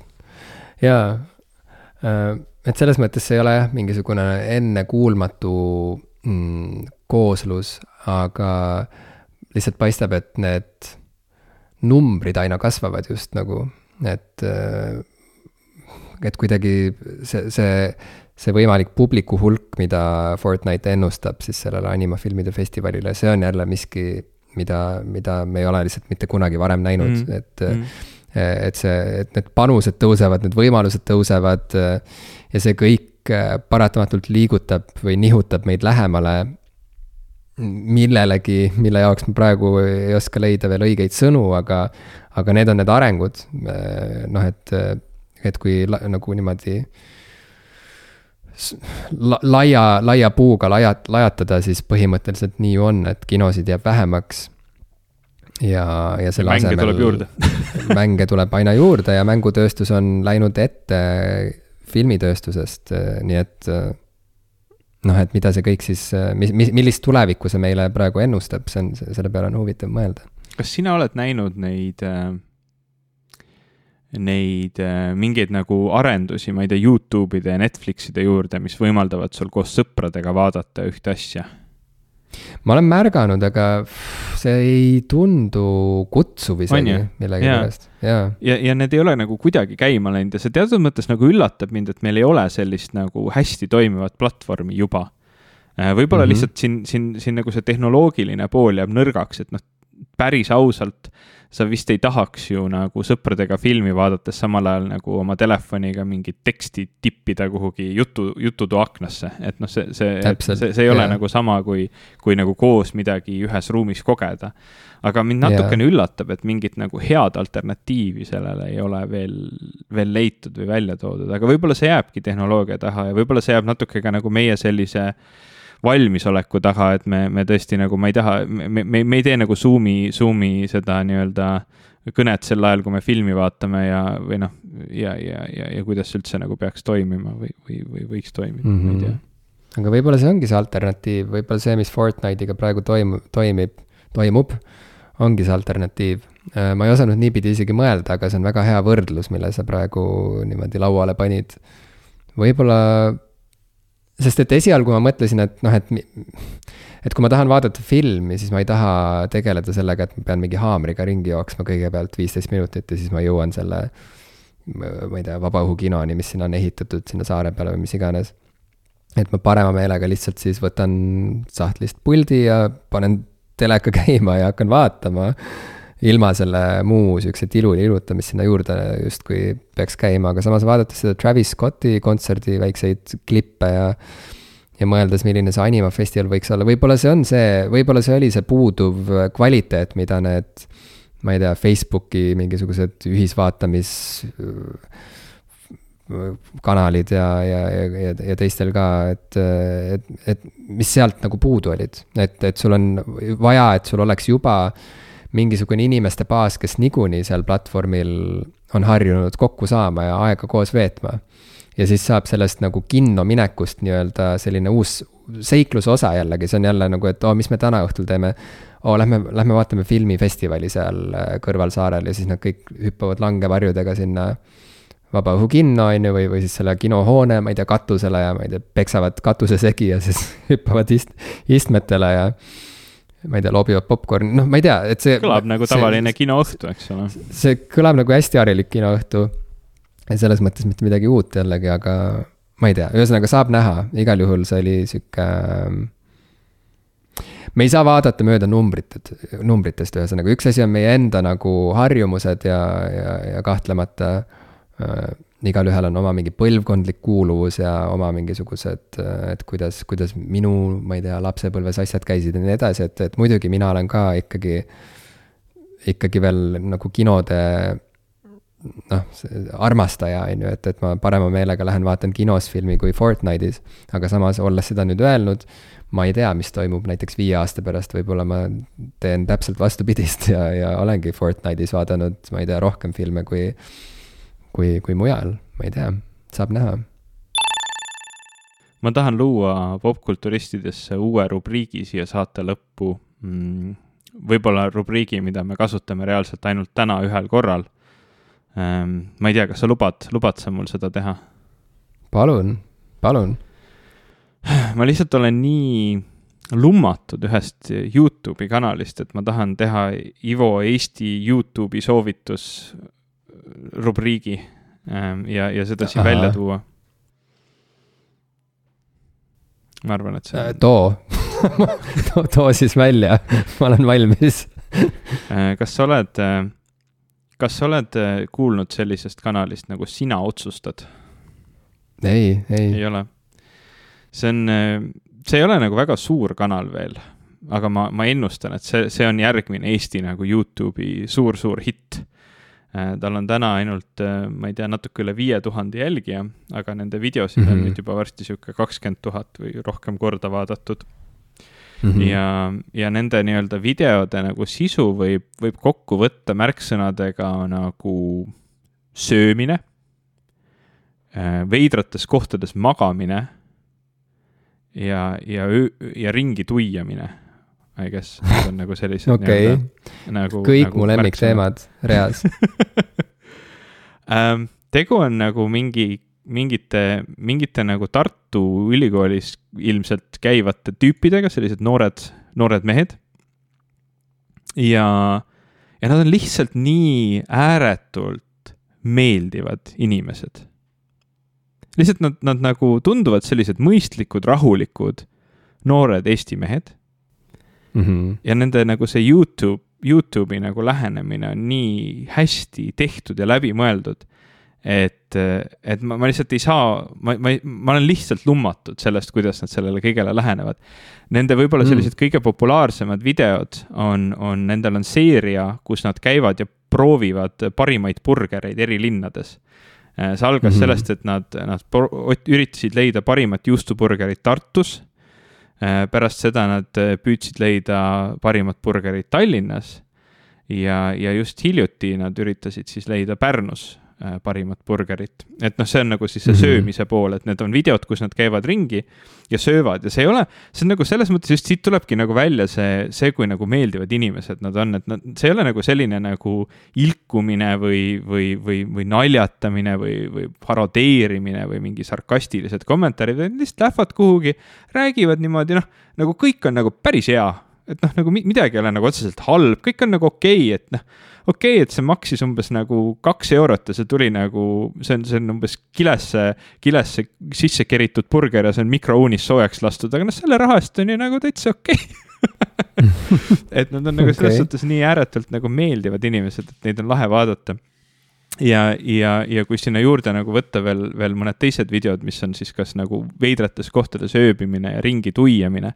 et siis näiteks neil tuli, tuli välja selline, see on, see on väga pikk video, see koosneb kahest osast, see on kokku üle tunni aja. Äh, kus siis üks, üks selle, selle kanali nii-öelda saatejuhtidest siis veedab terve, nii-öelda eesmärk on, et ta veedab terve öö kodutuna Tartus Mm -hmm. ja, ja noh, kui sa seda pealkirja kuulad, vähemasti kui mina seda nägin, siis, siis mul oli selline oh no moment, et noh, nagu nii palju on neid videosid tehtud, kus nagu priviligeeritud noored inimesed nagu üritavad, üritavad nagu aru saada, et kuidas on nagu vaesena elada ja, ja, ja, siis mm -hmm. nagu noh, nagu portreteerivad seda nii halvasti ja, ja, ja, ja sellisel viisil, kus on ilmselgelt näha, et ta on priviligeeritud inimene, ta tegelikult ei mõista seda konteksti yeah aga, aga ta ei olnud, see, see, see video oli täiesti nagu rahulik, mõistlik, ta korduvalt nagu väljendas selle jooksul, kuidas noh, nagu ta on väga priviligeeritud seisus isegi praegu seda eksperimenti tehes. ja, ja mm, -hmm. ja mõistab, kui keeruline on tegelikult seda nagu igapäevaselt ja aastaid teha. et, et noh, täiesti, seda oli nagu nauditav vaadata Mm -hmm. ja noh, nendel on veel igasuguseid siukseid äh, naljakaid videosid, kus nad üritavad terve öö metsas veeta või käivad rabas ufot otsimas või veet-, veetsid terve öö jõusaalis, et need, see on nagu, see on nagu mõnus selline Eesti Youtube. ja ma soovitan lihtsalt teil, teil vaadata, kui, kui see, mis ma praegu Väga rääkisin, teile, teile huvi pakub. kui teile ei meeldi vaadata, kuidas inimesed söövad äh, rõvedalt äh,, noh, sest enamus neid burgereid, vaata, mida sa putkast ostad, ei ole võimalik süüa kuidagi väga nagu ähm, graatsiliselt mm. -hmm. et siis võib-olla see ei ole nagu kanal sulle või vähemasti need burgeri videod mm -hmm. võib-olla siis ei ole sulle ähm,. Mm -hmm. aga ei, selles suhtes nad on siuksed äh, mõistlikud noored inimesed ja mul, mind, mind tegi nagu rõõmsaks, et nad, nad, nad ei püüa oma püüa oma likee ja, ja, ja jälgijaid ja, ja vaatamisi nagu sellega teenida, et nad teevad midagi sellist, noh, nagu absurdselt üle võlli keeratud, vaid nad teevadki seda kõike nagu mõistusega ja rahulikult ja, ja, ja ma arvan, et seda peab premeerima. ma arvan, et see on mm -hmm. üks mhm. tugevamaid nagu Youtube'i kanaleid täna Eestis ja ma, ma kiidan neid selle pärast väga põnev, ma kindlasti vaatan, ma vaatan, ma juba uurin nende kanalit ja ma näen, et neil on ka mingid otseülekanded toimunud, millest kõige pikem, mida ma siin näen, on kestnud äh, peaaegu kakskümmend kolm tundi järjest. Äh, jah. see, see, see, need, need, otseülekanded on paigutatud playlist'i pealkirjaga Tartu-Tallinn nii et äh, saab siis näha, mis seal Tartu-Tallinn liinil on toimunud. pean tunnistama, et neid jaa, videosid ma pole väga vaadanud, et, et nende see jalgsi matk Tartust Tallinna oli, oli natuke liiga, liiga intensiivne minu jaoks, liiga pikk mm., et mm., et aga, aga nad nagu ajapikku siin viimastel kuudel on, on päris hästi oma, oma selle nii-öelda ähm, oma nii-öelda konteksti ja, ja oma formaadi nagu leidnud või, või leidmas, et, et, et see on tõesti nagu hästi tehtud. Mm.. no siis ma omalt poolt ja aitäh selle uue rubriigi algatamise eest, näis, kui palju sinna hakkab lisanduma muidugi erinevaid soovitusi, sest et Eesti Youtube ei ole äh, mm. lõputu. Ega isegi mitte aga... väga hea üldiselt aga no vaatame, äh, igal juhul soovin pikka ida, pikka, mitte pikka ida, vaid pikka iga sellele rubriigile, aga pikka ida võib ka soovida vabalt. Ähm, ma tahtsin ühtlasi öelda, et kui sa oled kuulanud tänast osa siiani, siis äh, palju õnne. sa kas, äh, ma ei tea, ei saa ennast liigutada ja ei saa panna pausile seda osa, on ju. ja oled lihtsalt kannatanud või siis sa tõesti oled tahtnud siiamaani kuulata sellisel juhul eh, väga tänan ja, ja tahan öelda, et kui, kui nüüd eh, tekib kurbustunne, et tänane osa saab otsa ja peab jälle ootama järgmist, siis seda kurbust saab leevendada niimoodi, et saab minna ja kuulata podcast'i Ebaõnne kolmteist, kus me käisime Ivoga külas. Ebaõnne kolmteist on selline podcast, kus räägitakse sellest, mis tõeliselt äh, elus loeb äh, ja, ja käsitletakse suuri olulisi teemasid. ja üle pika aja oli selline tunne, et äh, sai hingelt nagu kõik ära räägitud. nii et Ebaõnne kolmteist popkult-, popkulturistid olid, olid nüüd külas selles podcast'is, me täname veel kord Marti ja Maxi võõrustamast meid Ebaõnne tänaval ja juhul, kui sa kuulad seda praegust äh, osa, ma ei tea, aastal kaks tuhat kakskümmend viis näiteks ja mingis, ma ei tea, ve-, mitte veebruarikuus, vaid siis kuskil juulikuus näiteks, et siis täpsustuseks ma ütlen, et kui sa tahad arhiivides ringi tuulata, siis Ebaõnne kolmteist kahekümne teisel veebruaril aastal kaks tuhat kakskümmend üks avaldatud osa on siis see, kus popkulturistid olid külas, see on täp-, täpsemalt siis kolmekümne, kolmekümne, kolmekümne neljas Ebaõnne kolmteist podcast'i osa. nii et head kuulamist head kuulamist